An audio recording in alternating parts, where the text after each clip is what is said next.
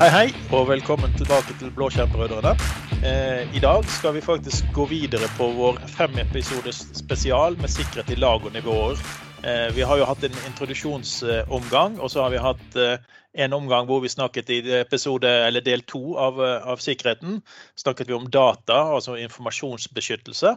Vi hadde med oss Jan Ketil fra Cloudway, hvor vi snakket om enhetsbehandling og så på hvor viktig det er å ha kontroll over enhetene våre. Så vi har egentlig gått litt i gang med å snakke med sikring av data. Vi har snakket om sikring av enheter. Men jeg vil jo tro at det er én ting som kanskje trumfer alt når det gjelder sikkerhet. For hvis du bommer på dette laget her, så ligger vi vel tynt an, eh, Marius? Ja, og det laget er jo identitet, eh, som jeg tør påstå at er det viktigste. Eh, da, hvis du ikke vet hvem du slipper inn, så, så har du en utfordring. Ja, og alle de andre sikkerhetsaspektene har jo stort sett kobling mot at for å ta dem i bruk, så må du jo angi identiteten din. Ja, det er nettopp det. Og, og en identitet kan jo være både en brukerkonto, eller for så vidt en type servicekonto, en tjenestekonto og et service principle. Det er, det er masse typer identiteter. Eh, det kan være enheten din har en, har en identitet, så det er ikke rent kall det brukernavn og passord vi mm. nødvendigvis snakker om her. Men, eh, men identitet er jo ja, et ganske bredt felt og, og stort sett vesentlig for alle tjenester, vil jeg vel egentlig påstå i mm. en eller annen form, i hvert fall. Ja, vi må vel helt tilbake til sånn eh, Windows 95 eller 9X-dager. Eh, hvor du bare tok cancel på påloggingen, så kom du inn på maskinen i hvert fall og fikk brukt maskinen, men eh, Den tiden er over. Jeg jobber mye med som informasjonsbeskyttelse og sånn, er jo der er jo identitet den hele faktoren som gir tilgang til dataene, som gjør at vi kan beskytte de, osv. Mm. Ja, ikke sant. Og, det, og, noe av det gjelder jo også for så vidt eh, i forhold til, eh, i forhold til eh, enheter og sånn også, og beskyttelse av endepunktene. Hvor du på en måte ja, Nå tenker jeg ikke i forhold til hvordan du sikrer sjølve endepunktene, men hvordan de endepunktene beviser at det, de er faktisk sikre, og det er det og det endepunktet som henvender seg inn til dine tjenester. Da. Eller Olav, du sitter på en enhet som, som er compliant med forskjellige sikkerhetspolicyer og sånne ting. Det er jo ikke bare at det den enheten påstår at den er compliant. Det er på en måte en rekke med, med bevis som på en måte fører til at uh, du har en identitet også på enheten din, da, som, som uh, også da blir en del av din kall det helhetlige kontekst. Da. For det er jo det vi snakker uh, nå-tekst. da. For det er jo det vi snakker uh, nå for tida i forhold til når du skal få tilgang til noe. Sånn som i Azure AD så har du jo conditional access. Men det er jo på en måte kontekstuell autentisering eller sikring da, som, som er det vi snakker om. Hvor, hvor, det er mange faktorer som, som, spiller inn. Så det kan være da hvilken bruker som logger, på, logger på, hvor er det den kommer fra, hva har skjedd tidligere med den brukeren? ikke sant? Har det vært noe har han plutselig, altså Typisk sånn du ser nå, at en bruker forflytter seg fra Oslo til Bergen i løpet av to sekunder. Altså Hva er historikken? Er det noe risiko knytta til det? Hvilken enhet sitter den på? Eh, Osv. osv. Mange forskjellige mm. sånne type faktorer da, du kan dra inn. Mm, for det blir jo litt sånn at Når identiteten er så viktig, og han har så mye å si på så mange tjenester, så må han beskyttes. Sånn, da må ja. vi vite, Han må, han må være kanskje noen Det er ikke bare noen som later som de er Marius, eller later som de er Olav. Sant? Vi må ha mm. den sikkerheten på plass. Og da er det jo gjerne multifaktorautentisering som på en måte nevnes i, i den samme setningen, da. Så mm. med at du har en eller to eller flere, flest mulig egentlig, faktorer som beviser at det, det er faktisk Pål som, som, sitter her. Mm. Ikke mm. noen som bare tilfeldigvis har klart å snappe opp at du hadde samme passord på gmailen din som du logger på på en eller annen tjeneste, f.eks. Mm. Og, og det er jo litt av det vi ser nå med, det, med hvordan tingene har utviklet seg. For uh, når du autentiserer deg da, med identiteten din nå, Eh, så er det jo avhengig av hvilke systemer du har i bakkant, om hvor bra det kan bli. Altså, vi har snakket om conditional access som en måte å si at vi vil sjekke forskjellige kriterier før vi slipper deg inn, sånn at du må fylle opp mer. Eh, men vi mm. ser jo også det at du har muligheten til å eh, analysere bind, sånn at du må fylle opp mer. Men vi mm. ser jo også det at du har muligheten til å analysere brukeren sitt bruksmønster. Altså er dette en suspekt bruker fordi at vi har spor av at han har gjort mye rare ting? Eh, eller er dette her en OK-bruker? For at vi vet at Ola pleier å logge på fra Bergen. Eh, av og til så logger han på fra et eller annet datasenter. Så har du sett et mønster, så vi kan plutselig bruke AI da, til å eh, undersøke hvordan brukerne logger seg på. og Det er jo en ganske stor styrke i denne sammenhengen. Ja, og da får vi på en måte et risikobilde knytta både til kall det deg som bruker, og til akkurat den påloggingssesjonen som skjer her og mm. nå. da. At du på en måte har en sånn sign-in risk, hvor det du sier at akkurat den pålogginga her er, eh, er, litt muffens i, fra India. Mens, eh, og det påvirker bruker, brukerrisikoen din. Og så kan du gjøre forskjellige ting. At noen manuelt gjør noe for å låse opp igjen. Det kan være en helt valid approach. Mm. Eh, skikkelig god norsk her. Og og, nei, for, for, det som er vesentlig, da, ikke sant? Altså, veldig mange nå nevner jo zero trust i annenhver setning, som, som, de sier når det er sikkerhet som det snakkes om. Og eh, det er jo ingen systemer i verden som stoler mer på andre systemer enn et system som er basert på zero trust. det vil si da at eh, hvis vi tar et eksempel da, som AD. Ikke sant? Eh, det er, en, en løsning tilgjengelig på, på internett. sånn at det, du er jo fullt av, helt avhengig av at det, det, er forskjellige sertifikater og alle mulige sånne type ting som, som for, forskjellige applikasjoner stoler på. da. Ikke sant? Så hvis, Si at du skal inn på det mest enkle eksempelet. da, Du skal inn på en eller annen applikasjon som bruker AD som, eh, som autentiseringsmekanisme. That's it. Det da, Du skal inn på en eller annen applikasjon som bruker Ashore AD som, eh, som autentiseringsmekanisme. That's it. Det er, det, du, det er, målet ditt. Eh, da går du til applikasjonen, du blir sendt til Ashore AD fordi den applikasjonen er konfigurert til å igjen stole på Ashore AD. Men da har du ganske mange ting eh, som skal skje.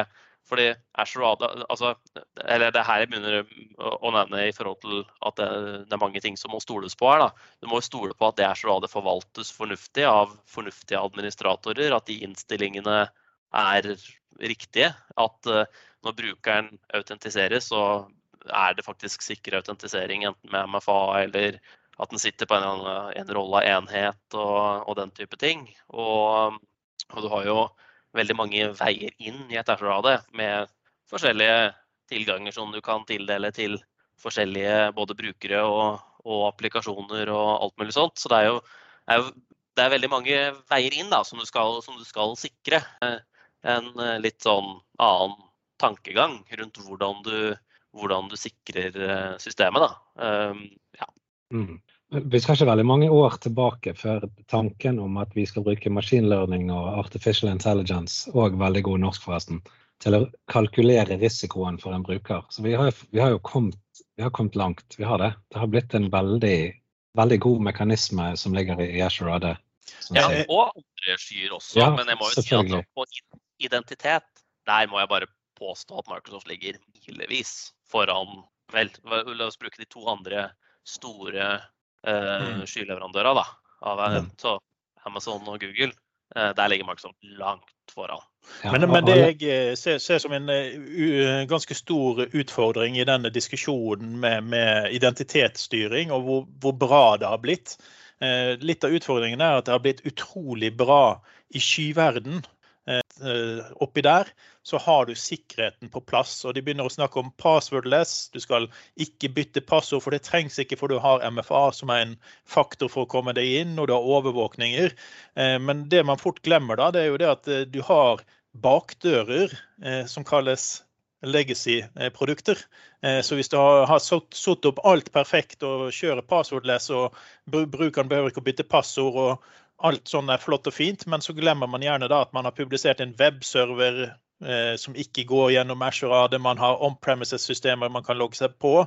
Eh, og da vil jo du, du ha et svakt ledd som de ennå ikke tenker over. Da. Og det, det, rare er at de snakker så mye om hybrid, men jeg føler at på identitetssiden så har de enda noen skritt for å få den hybridløsningen litt bedre. Altså de, de har jo ikke en eh, Azure MFA-modul for Eh, PC-ene dine lokalt på nettet, for serverne dine lokalt på nettet og sånne ting. Det er, det er ikke noen lett løsning å sette opp, løsning å sette opp den, den, siden av identitetsstyringen. da.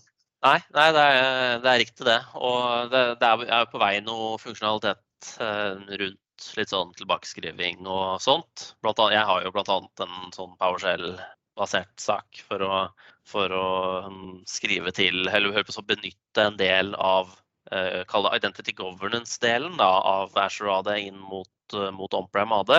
Men vi kan jo si det sånn at on-prem AD det er jo et helt eget fagfelt. Uh, og sikring av det altså Tidligere så har jo Microsoft anbefalt en løsning med en såkalt Bastion Forest, eller Red Forest, litt forskjellige begreper rundt det.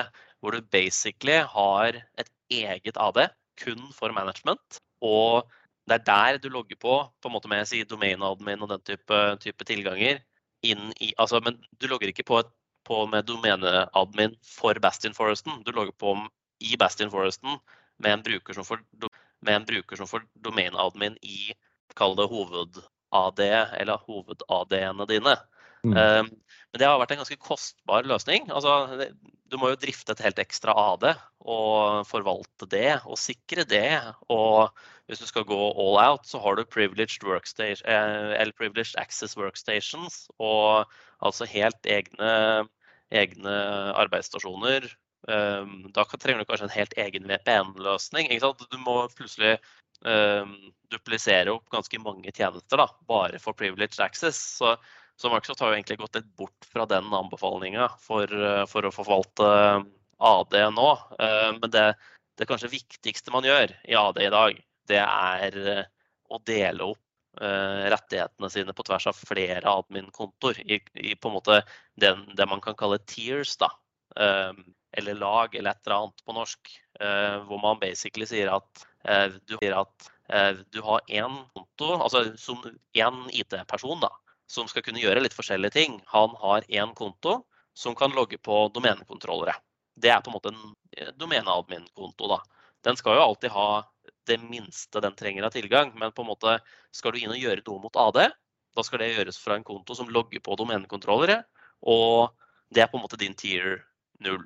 Det er på en måte det sikre, altså, De skal ikke brukes andre steder. For problemet er så fort du begynner å logge på med den kontoen inn på en eller annen klient eller en server, da er du utsatt for ransomware og alt mulig sånt med en gang. For det som skjer da, er at det, eh, en eller annen angriper kommer inn på én av dine servere, og så har du no, eh, Eller du, du, du, du må lage et lite problem, da. Tilkaller en administrator, ikke sant. De gjør så serveren har en unexpected reboot eller et eller annet merkelig greier som gjør at noen går og logger på serveren med en privilegert konto, og så er det en domeneadmin. Så kaprer de, og så hopper de inn i AD-et ditt, slenger inn masse funky group policies osv. Så, videre. så det er det å hindre den derre privilege escalation-saken. Mm. Så det å du ha egne kontoer for forskjellige, forskjellige, ting. Og ja, det er et hassle, for du må ha Det blir mange passord, det blir mye, mye å tenke på. Men sånn er hverdagen i dag, rett og slett. Men Hva med sånn verktøy som Defender for Identity? Sånne ting som bruker ja, en del av skyteknologien. Eller ja. og sånn.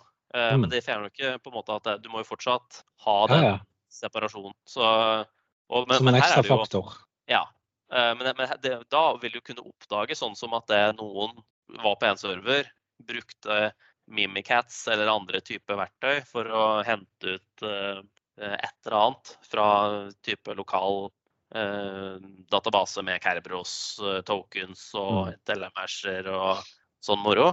Og brukte det til å hoppe videre. ikke sant, Pass til hash eh, og sånn moro. Og brukte det til å hoppe videre. ikke sant, Pass til hash. Ja.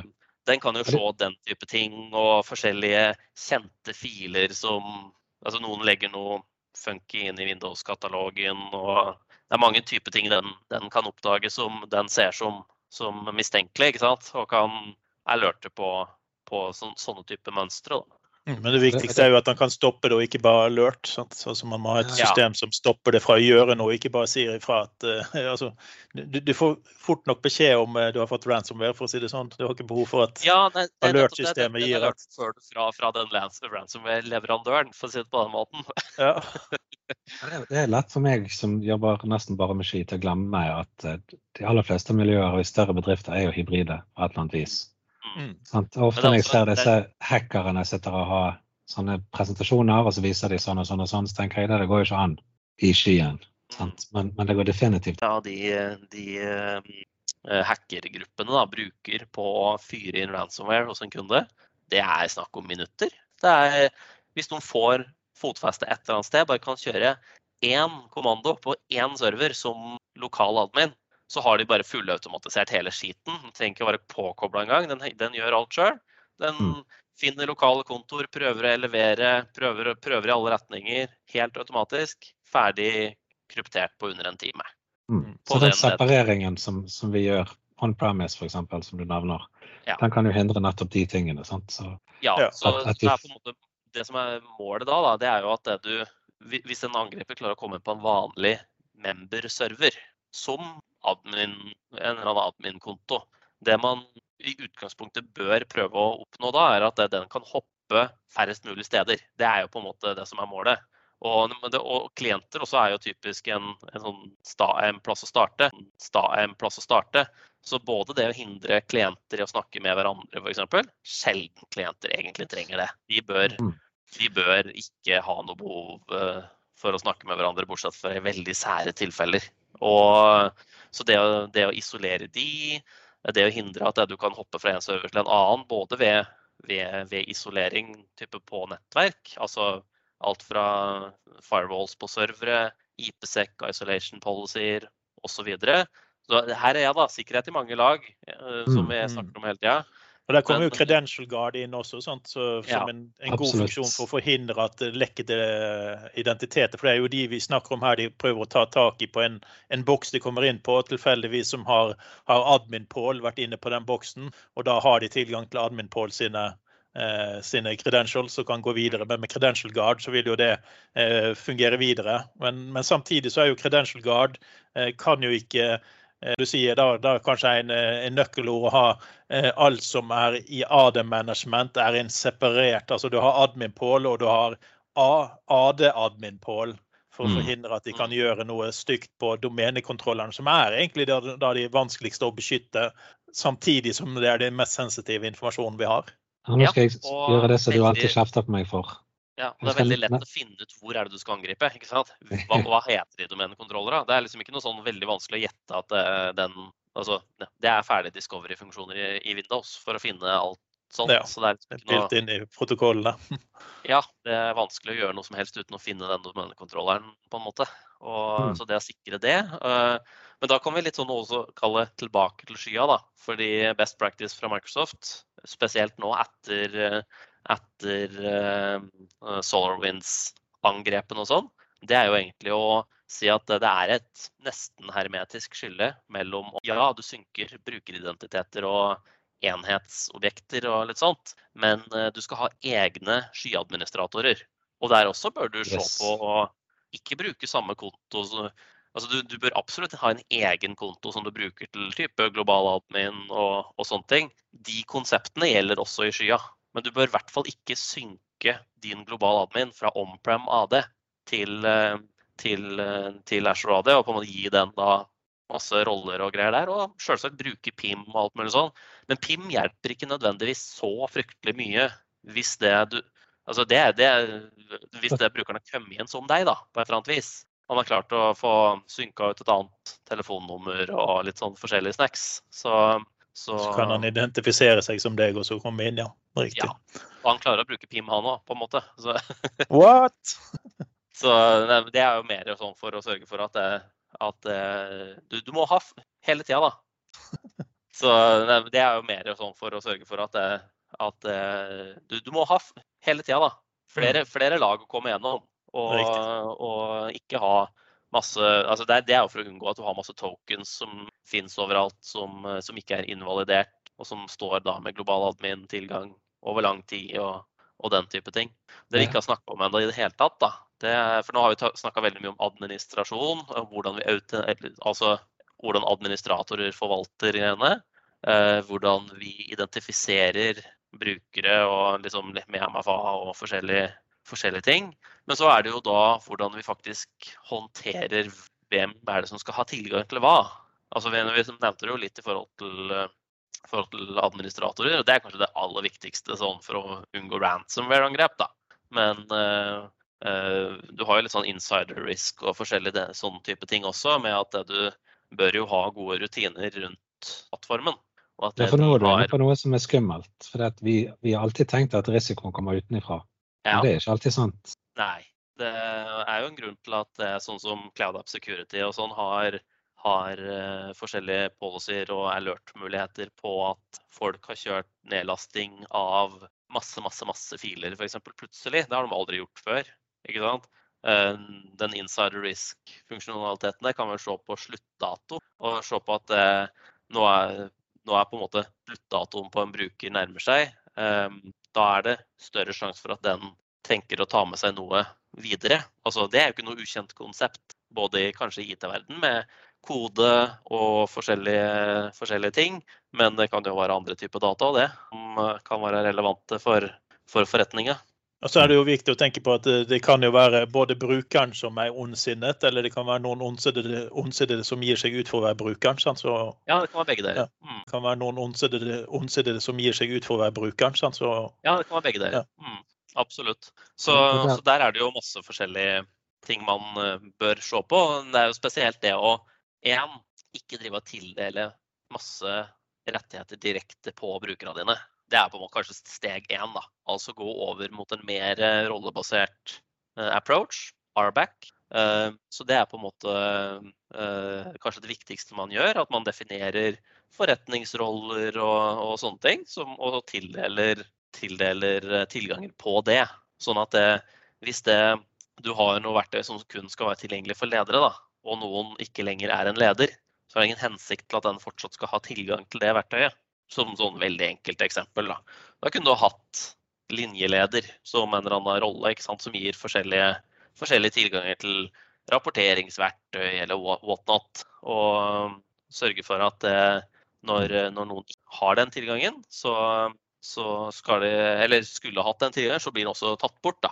Og det kan du gjøre på mange måter. Du kan ha jo gjerne HR-system og sånt som, som, har kontroll på hva folk jobber med, og bruke de dataene. Det er jo typisk liksom, mer IAM, det, det kalles. da, Identity and Access Management, med, med eh, at du tar en eller annen autoritativ kilde og bruker de dataene til å, til å tildele tilganger. og Matcher du ikke lenger et eller annet kriterium, så mister du tilgangen.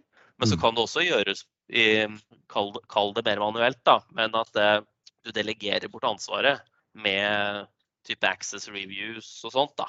Hvor... Vi, vi, hadde jo, vi, hadde jo, Bastian Vassnås på, på, på, besøk her i en episode hvor vi snakket om uh, Azure Identity Governance og, og VIPS uh, sin løsning bl.a. Ja. Uh, og det er jo et godt eksempel på hvordan man faktisk kan automatisere uh, den prosessen av å verifisere trenger tilgangen, enten med at det er, er, en, eh, er, en, eier av tjenesten som må si at ja, Pål skal fortsatt få lov å komme inn, eller at du selv må si at ja, jeg trenger faktisk denne rollen. Det er et godt eksempel på hvordan man kan sørge for å begynne å rydde opp i disse tilgangene man ikke lenger trenger. Mm. Og... det er altfor lett å bare opprette en bruker, gi ham masse rettigheter, og så glemmer du han. Da er han der. Og, hvordan oppretter du brukeren? Ja, sant. Ja, han blir jo opprettet med copy av en annen bruker som tilfeldigvis var medlem i 14 for, for, for mye grupper. Yes. Så... Nei, det, det er, jeg skulle få akkurat til å ta det som sånn worst case. Det verste jeg ser, det er kopiering av brukere i AD. Mm. Det er så krise at jeg får ikke sagt det. Vi kaller det latskap. Tank, tanken var jo god, da, for jeg husker når jeg begynte med dette for lenge siden, så lagde jeg en underscore template, underscore rolle. Ja, det er jo det, det, er jo det som er ment det er sånn det er ment for å bruke. Ja. Ikke sant? Så, men nå er det bare at han skal gjøre det samme som Pål, sånn copy av Pål. Ja. Mm. Skummel tanke. Ja, og, men veldig vanlig i sin tid. fire stillinger før, ikke sant? Som han mm. også bare har fortsatt alle de Han har tilgang til alle lederappene, for han var jo teamleder for et eller annet, og han har tilgang til et eller annet rapporterings... Eller ja, masse forskjellige ting da, som han har hatt tilgang til i tidligere jobber i samme bedrift, men som aldri har vært fjerna, som fortsatt ligger der. Og det Mm. kopierer du bare rått og rødt over til han nyansatte som skal, skal gjøre det samme som Pål gjør i dag. ikke sant? Og sånn har du det til gående. da. Det er, ja, Ja, Ja. det er felt. Det er felt. det er mine felt, altså. Kjære vene. Nei, nå skal jeg gjøre, nå, nå, jeg lovet å ikke gjøre dette, Olav, men jeg må gjøre det. Jeg nevner et produkt, beklager, og det er eh, endepunktstyring med Defender for Identity, nei, Defender for Endpoints, som òg sender signaler fra klienten din til Asher. Azure. Sant? Altså, du har produkter som på en måte kan bruke den maskinlearningen og intelligensen der oppe, som er veldig bra for intelligensen her, learningen, intelligensen der oppe, som er veldig bra for intelligensen her nede. Det er jo stort sett gjerne oss. Sant? Så Ja, det er den AI og koblingen av mange signaler som kan være med på å hjelpe deg når du får identitetsproblemer. Sant? Altså, når, identitetsproblemer høres ut som noe helt annet. Det bruker jeg jo hele tida. Ja, ja Men du, du vet jo ikke hva som skjer når du bare ser noen av signalene, men hvis du har helheten av signalene, du oppdager at ok, her driver han og logger seg på fra et annet land via webinterfacet til Outlook, mens han sitter på en PC ett sted, han kjører noe skript på et, et annet sted osv. osv. Så, så det er den samlingen av disse signalene som gjør at en løsning må være koblet sammen i sin helhet for å være effektiv. Ja, du, ikke, du må ikke tenke at du er trygg, 100% trygg fordi du har disse tingene. Men det er enda et verktøy som kan hjelpe deg til å bli litt tryggere. sant? Mm. Eh, Ja. Og så er det det hvor- hvor godt er et produkt når du har kjøpt det.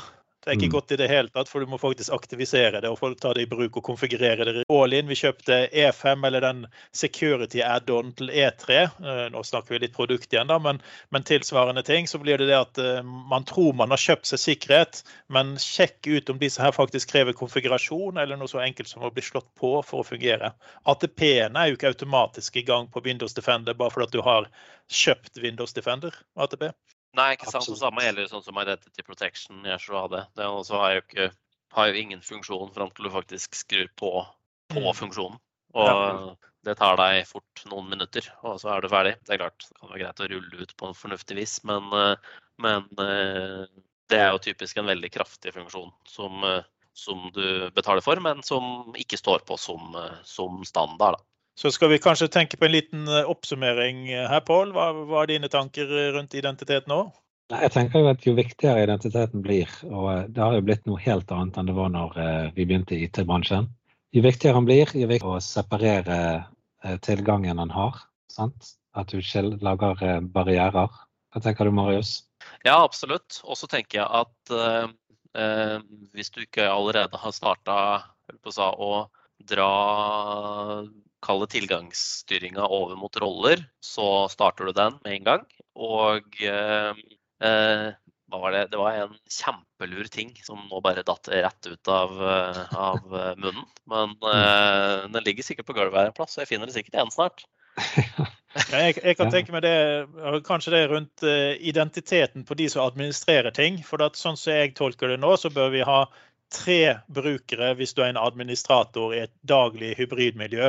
Det ene er min vanlige bruker, det andre er min on-premises-administrator, og det tredje er min cloud-administrator. Ja, du bør ha to on-prem-administratorkontor, minst. Mm. Kanskje tre. Ja. Så det vil faktisk si fem brukere bør du ha. Fem Så, brukere. kanskje tre. Ja. Så det vil faktisk si fem brukere bør du ha. Fem Så brukere. du bør ha ja, altså Det høres jo helt krise ut, jeg er helt enig, men, eh, men du bør ha Så lenge du har samme passord på alle, så er det jo lett Ja, å huske. Ja, det er det viktigste. Nei, du bør ha, ha en domeneadministrator, en serveradministrator, en endepunktadministrator, en skyadministrator, og så den vanlige brukerkontoen der. Mm. Hva syns vi om, om sånn type eh, passordmanagere?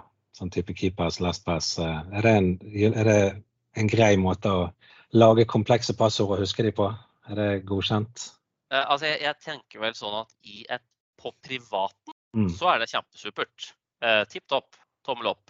Eh, I et bedriftsmiljø så tenker jeg at det bør ikke være nødvendig.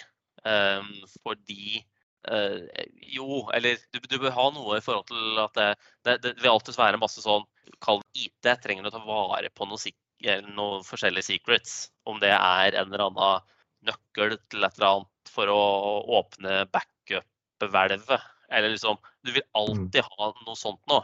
Det, det bør du absolutt ha.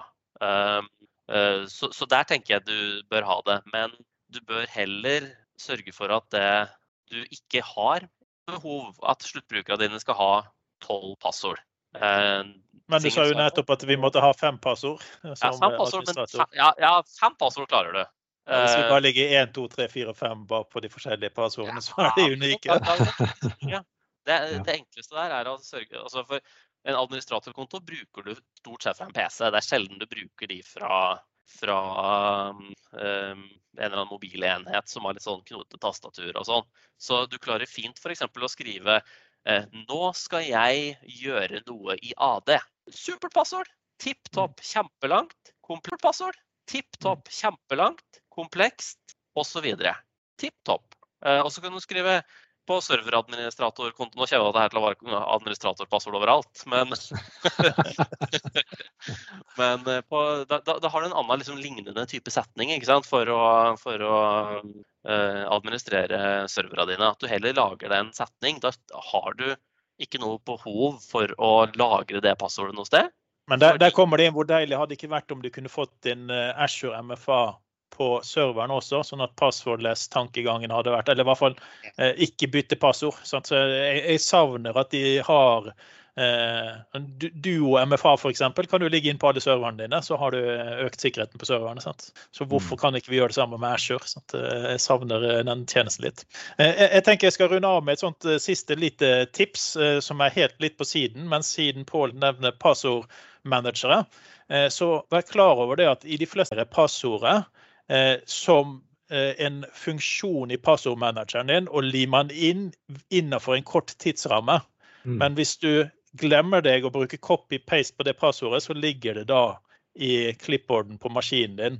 Og hvis du da i tillegg har slått på sånne ting som synkroniser på alle devicene mine osv., så, videre, så ligger det dårlig der. Så bruker du passordmanagere, ikke bruk copy-paste eh, når du skal ha passordet, men bruk den kopieringsfunksjonen funksjon som ligger i appen. For da forsvinner det, altså da går det ikke via klippborden din og blir liggende der. Veldig godt tips. Så, ja. Eh, da tror jeg vi skal takke for denne episoden. Så snakkes vi kanskje plutselig igjen. Ja. Takk for oss.